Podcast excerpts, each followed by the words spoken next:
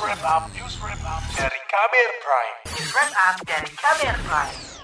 Berdasarkan data dari UNICEF Indonesia, 41 persen anak-anak dan remaja di tanah air menyembunyikan usia mereka yang sebenarnya di dunia maya. Sementara tiga dari 10 anak mengalami eksploitasi dan kekerasan seksual online. Sejumlah hal tadi merupakan dampak negatif yang bisa diterima anak-anak ketika mengakses dunia digital. Efek buruk lain adalah perisakan daring, kekerasan seksual berbasis online, dan kemungkinan pelanggaran keamanan data yang berpengaruh pada privasi anak. Di sisi lain, dunia digital juga membuka kesempatan bagi anak untuk belajar, mendapatkan informasi, mengembangkan relasi sosial, dan kreativitas mereka spesialis perlindungan anak UNICEF Indonesia, Astrid Dionisio.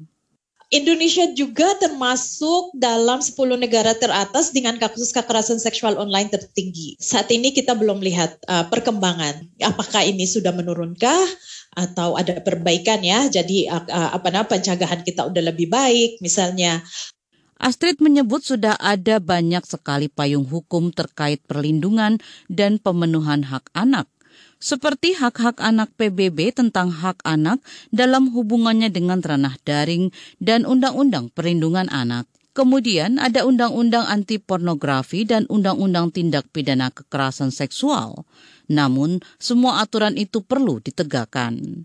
Hal ini mengatur secara spesifik sebenarnya bagaimana integrasi perlindungan anak dalam kebijakan uh, perlindungan anak secara nasional. Saat ini kita bersama dengan Kementerian uh, Pemberdayaan Perlindungan Anak dan uh, menteri-menteri terkait sedang menyusun yang namanya peta jalan untuk perlindungan anak secara online. Ini masih dalam proses Astrid mengajak seluruh pihak membentuk badan koordinasi multisektor guna memperkuat penyediaan layanan bagi penyintas kekerasan online.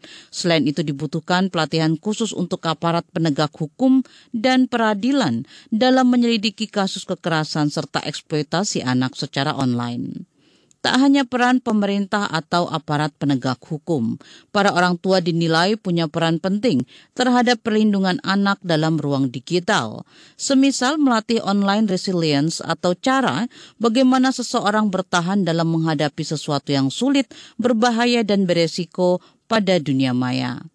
Konselor anak dan remaja Devi Yundianto. Pertama, buatlah lingkungan yang membantu. Artinya, kita harus membentuk lingkungan yang aman gitu untuk bermain sosial media. Kemudian bicarakan aturan bersosial media pada anak, selalu hadir ketika anak bermain sosial media untuk kita dampingi.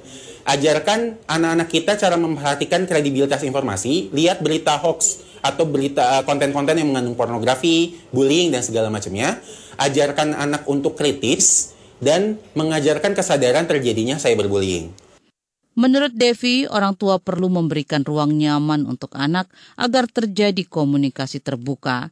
Tujuannya agar potensi kekerasan di ruang digital pada anak bisa diketahui dan dimonitor.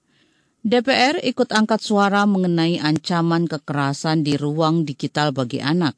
Anggota Komisi Komunikasi dan Informatika DPR, Subarna, mendorong para orang tua meningkatkan pengawasan dan memerhatikan anak-anak mereka saat mengakses ruang digital. Dan anak juga harus tahu di edukasi ini untuk dapat melindungi dirinya di dunia maya dengan cara seperti melindungi dirinya, identitas dirinya, Jangan gampang memberitahu ibu kandung, nama ayah, alamat, dan lain-lain. Selanjutnya, pembatasan waktu pemakaian internet. Atasi waktunya penggunaan anak dalam memakai terutama handphone.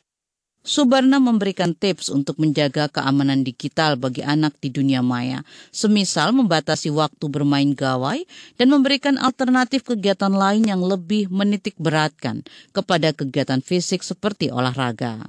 Sebelumnya, laporan dari Digital Quotient Institute pada 2020 merilis anak-anak menghadapi berbagai risiko ketika mengakses dunia digital yang disebut cyber pandemic.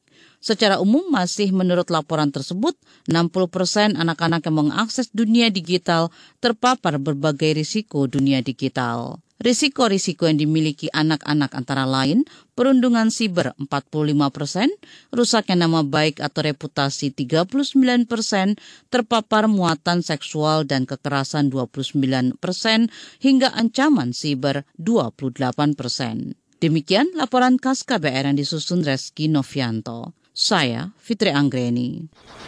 Kamu baru saja mendengarkan news wrap up dari KBR Prime. Dengarkan terus kbrprime.id, podcast for curious mind.